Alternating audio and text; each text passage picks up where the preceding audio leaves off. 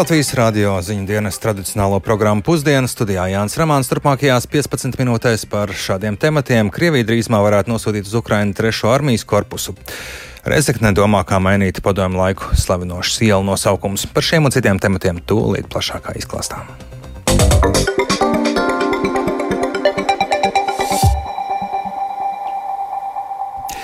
Krievija drīzumā varētu nosūtīt uz Ukrainu trešo armijas korpusu, taču ir šaubas, vai šāds spēku papildinājums būs efektīvs un ietekmēs turpmāko kara gaitu. Par to ir pārliecināti ārvalstu militāri analītiķi. Vienlaiks tiek norādīts, ka kārtējais pavērsiens varētu būt gaidāms rudenī, kad Ukrainā atgriezīsies rietumvalstīs apmācītie ukraiņu karavīri. Daudz kas turpmākajā kara gaitā būs atkarīgs arī no laika apstākļiem. Par aktualitātēm Ukrainā vairāk stāsta Uģis Lībietis. Krievijas spēkiem turpinot apšaudīt Ukrainas austrumu un dienvidu reģionus, pagājušajā naktī smagās artērijas un reaktīvo raķešu sistēmu triecieni bijuši vērsti pret vairākiem Dņipropetrovskas apgola reģioniem. Aktīvas sadursmes joprojām novērotas Slavjanskas, Bahmuts un Avģējevkas virzienos. Vairāk sprādzienu dzirdēt arī okupētajā Melitopolē, taču, kā paziņojas uz laiku okupētās Melitopoles mērs Ivans Fjodorovs, nepārtraukti tiek veikti uzbrukumi arī pret dažādiem iebrucēju objektiem, pieļaujot, ka iebrucējiem pilsētu drīzumā nāksies pamest в селе Мирное, которое находится в 10 километрах от города Мелитополя. Mirnoja ciemā, kas atrodas 10 km attālumā no Melitopoles, ir iznīcināta viena no iestādēm, kas atbildēja par referendumu rīkošanu. Ir cietusi arī viena no lielākajām militārajām bāzēm, kas bija izvietota vienā no Melitopoles rūpnīcām. Drīzumā mēs varēsim sniegt konkrētākus datus, taču vienu varam teikt - ienaidniekam mūsu teritorijā nav komfortabli, un viņu šeit neviens negaida. Mēs sagaidām, ka pavisam drīz Krievija izrādīs labas gribas žestu un aizies no uz laiku okupētās Melitopoles, jo pēdējo triju nedēļu laikā viņiem katru dienu kaut kas notiek. Acīm redzot, smēķēt viņi vairs nemāk.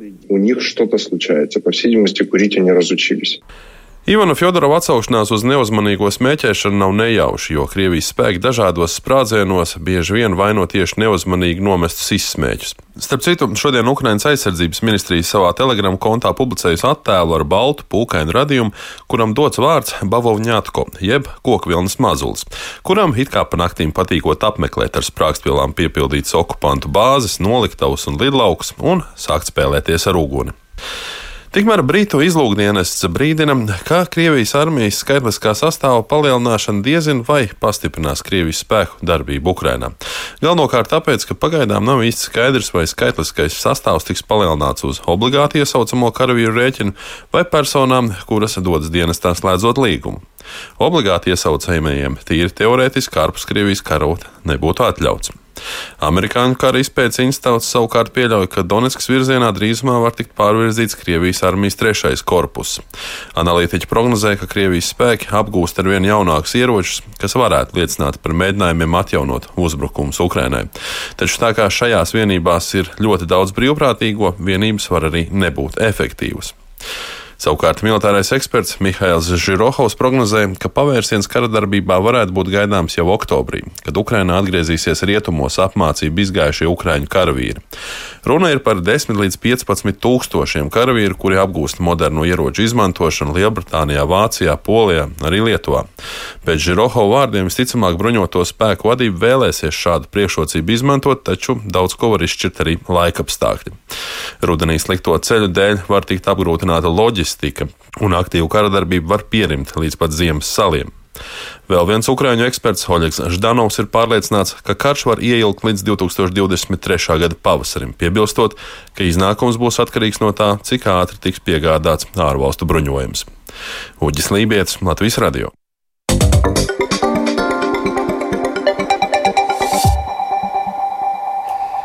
Biedrība Publiskās atmiņas centrs 25 Latvijas pašvaldībām ir nosūtījusi vēstuli par Latvijas Republikas satversmē noteiktā komunistiskā totalitārā režīma nosodīšanas pienākumu īstenošanu un rusifikācijas slavināšanas izbeigšanu, aicinot pārdēvēt pašvaldības teritorijā sastāvamos vietvārdus un ielu nosaukumus. Reizeknas novada pašvaldība saņēmusi ieteikumu par divu ielu pārdēvēšanu, taču iedziļinoties šajā jautājumā vietvaru sarakstu papildinājusi vēl ar divām ielām, kurām pēc tās ieskatiem arī būtu būtu jāmaina nosaukums. Vairāk Ivets Čigāns ierakstā.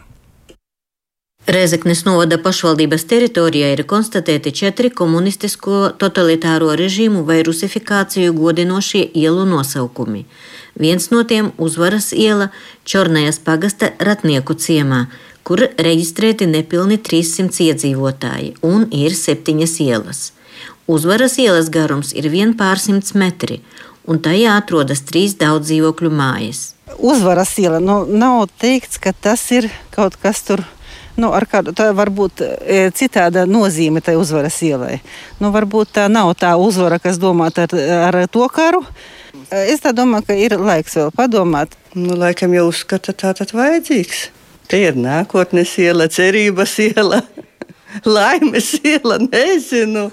A zачем? Всю жизнь такая улиca была. Priekš kā mainīt visu dzīvi, kamēr es te dzīvoju, to ielu tā arī sauca. Lai tā arī turpmāk ir, mēs taču ielu nesaucam Ulica Pabieda, tā taču ir uzvaras iela. Latviešu valodā taču skan. Все равно и латышское что-то есть. Rezeknes novada izglītības, kultūras un sociālo jautājumu komiteja Atsaucoties biedrības publiskās atmiņas centrs aicinājumam, pieņēma lēmumu pārdēvēt četras novada teritorijā esošās ielas. Novada domas priekšsēdētājs Monvīts Švarts no partiju apvienības jaunā vienotība par un Latgales partija uzsver, ka pašlaik šis lēmums vēl netiek virzīts izskatīšanai domē. Reizeknas novadā būtu jāmaina divām ielām nosaukumi - Pionieru iela Strūžānu ciemā un Jāņa Zvīdri Verējuma pagastā Sondoru ciemā. Veicot savu visu ielu nosaukumu, tādu inventarizāciju, konstatējām, ka ir vēl divas ielas. Tā ir uzvaras iela Ratniekos un Lidijas Samoilovas iela arī Maltā. Biedrības publiskās atmiņas centrs priekšsēdētājs Kārlis Kangers atzīmē, ka totalitārismu komunistisko režīmu slavinošo vietvārdu nomaiņas procesā būtu jāiesaistās arī valdībai, pieņemot attiecīgu likumu saka, ja, kad ievēros vai kaut ko darīs, cita kā saka, aptaujās tautu vai iedzīvotājs, un daži saka, ka nedarīs neko vai, vai tam līdzīgi. Tāpēc būtībā, ja mēs gribam nosodīt totalitārismu un komunistisko režīmu, tad varbūt arī būtu labi, ja nākt kādu ieteikumu no valdības. Rezeknes novadā pirms ielu nosaukumu pārdēvēšanas rīkos iedzīvotāju aptauju. Iveta Čigāne, Latvijas radio studija Latgalē. Šodien pēc restaurācijas atklāta Latvijas neatkarības cīņu piemiņas vieta Bumbukalnā, kas atrodas Kleistu mežā. 1919. gada novembrī tur atradās Latvijas armijas Latgales divīzijas komanda punkts, kur pulkvedis Krišjāns Berts parakstīja pavēlu par pārdaugavas atbrīvošanas operācijas sākšanu, lai atbrīvotu Rīgu no ienaidnieku karaspēka.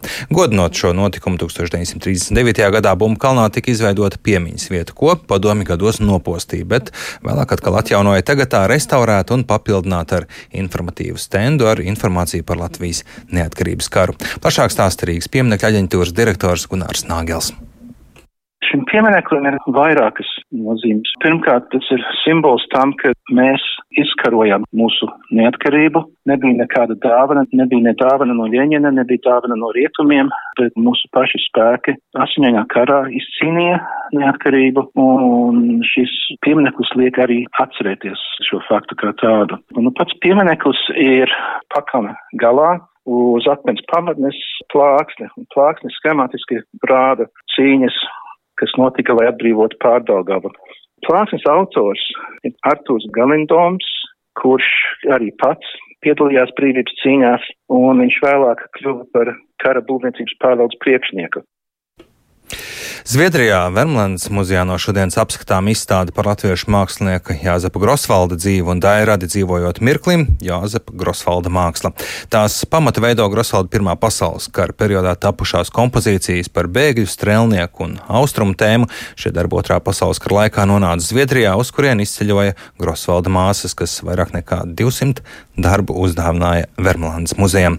Plašāk stāsta projekta koordinātora Latvijā Ieva Kalneča. Zviedrijā ir interese par Jāzepu Grosvaldu balstīta primāri faktā, ka Vermlandes muzejā Karlsadē atrodas 221 Jāzepa Grosvalds darbs. Protams, tas ir ļoti liels skaits, un līdz ar to, saprotot, ka tas ir patiešām nozīmīgs mākslinieks gan Latvijas, gan vispār Eiropas modernismu kontekstā, tad pēdējos gados arī šajā muzejā šis mantojums tiek ļoti novērtēts.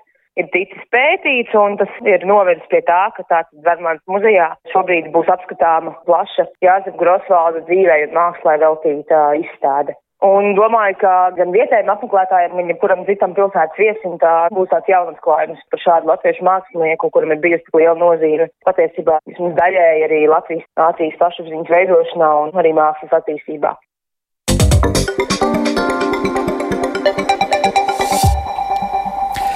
Un svētdienas pusdienas laikā ir pienācis tas brīdis, kad ieskatāmies arī sporta jaunumos. Dienas interesantākie un gaidītākie notikumi vēl tikai priekšā.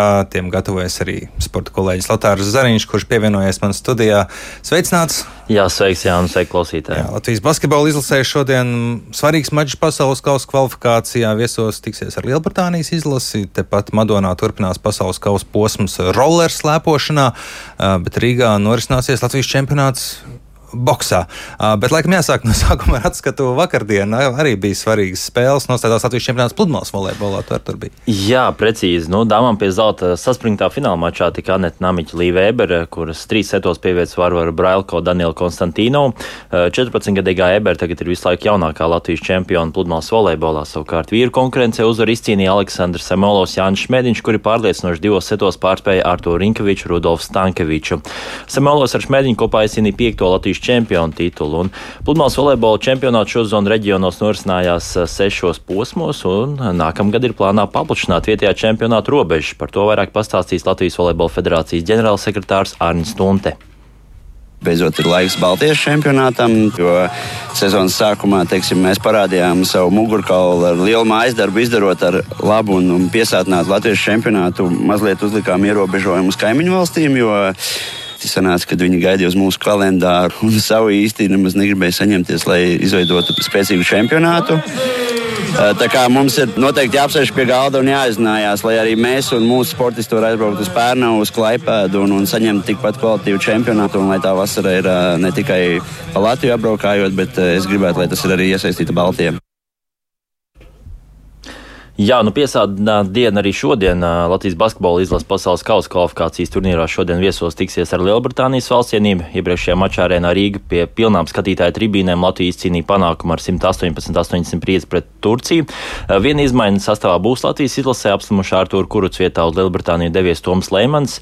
Uzvaras gadījumā Latvija saglabās vietu grupas līderu pozīcijā, tādējādi vēl vairāk palielinot izredzes kvalificēties pasaules kausam. Mačs sākums vakarā TV6 kanālā 8. Uh, tikmēr sporta rasēs Mecersils Madonā norisinās pasaules kausa posms roller slēpošanā, kur pulcēja sportisti no 13 valstīm. Noslēdzošajā dienā Madonas pilsētas ielās būs masu starti, kā pieaugušo, tā arī junioru grupās. Tiešraidi var vērot sporta centru kommājaslapā. Tepat Rīgā norisināsies Latvijas čempionāts boxā, kur pulcēsies arī praktiski vislabākie sporta veidu pārstāvi. Latvijas čempionātā pulcēs vairāk nekā simts dalībnieku, pieaugušo junioru un arī sieviešu grupās. Turnīrā piedalās arī tādi boxeri kā Mārcis Grunduls un Frants Rozentāls, savukārt dāmām Laura Jakovļeva un Beatrice Rozentāla. Visi dueļi norisināsies Rīgas Olimpiskajā sporta centrā, ieeja bez maksas. Un uh, divas spēles paredzētas arī Latvijas futbola virslīgā. Rīga FC savā laukumā Skonto stadionā uzņems FK Tukums 2000 komandu. Mačs maču sākums trijos dienā, tikmēr FK Spārtaks Lokas stadionā tiksies ar FK Audu spēles sākums piecos vakarā. Paldies Latvijam Zariņam par ieskatu šīs dienas svarīgākajos sporta notikumos, kas gaidāmi. Un līdz ar to arī izskan raidījums pusdiena. Par svarīgāko Krievija drīzumā varētu nosūtīt uz Ukrajinu trešo armijas korpusu. Rezekne domā, kā mainīt padomu laiku slavinošus ielu nosaukumus un vietvārdus. Programmas producents Edgars Kupčs ieraksts montēja Ulus Grīnbergs, pēc studijas pults Rita Kārnečs studijā Jānis. Ramāns mūsu ziņām varat sekot līdzi arī Latvijas Radio 1 Facebook lapā vai arī sabiedrisko mediju ziņu portālā LSMLV, bet šīs pārraides atkārtojumu meklējiet un varat arī atrast raidierakstu platformās kā dienas ziņas.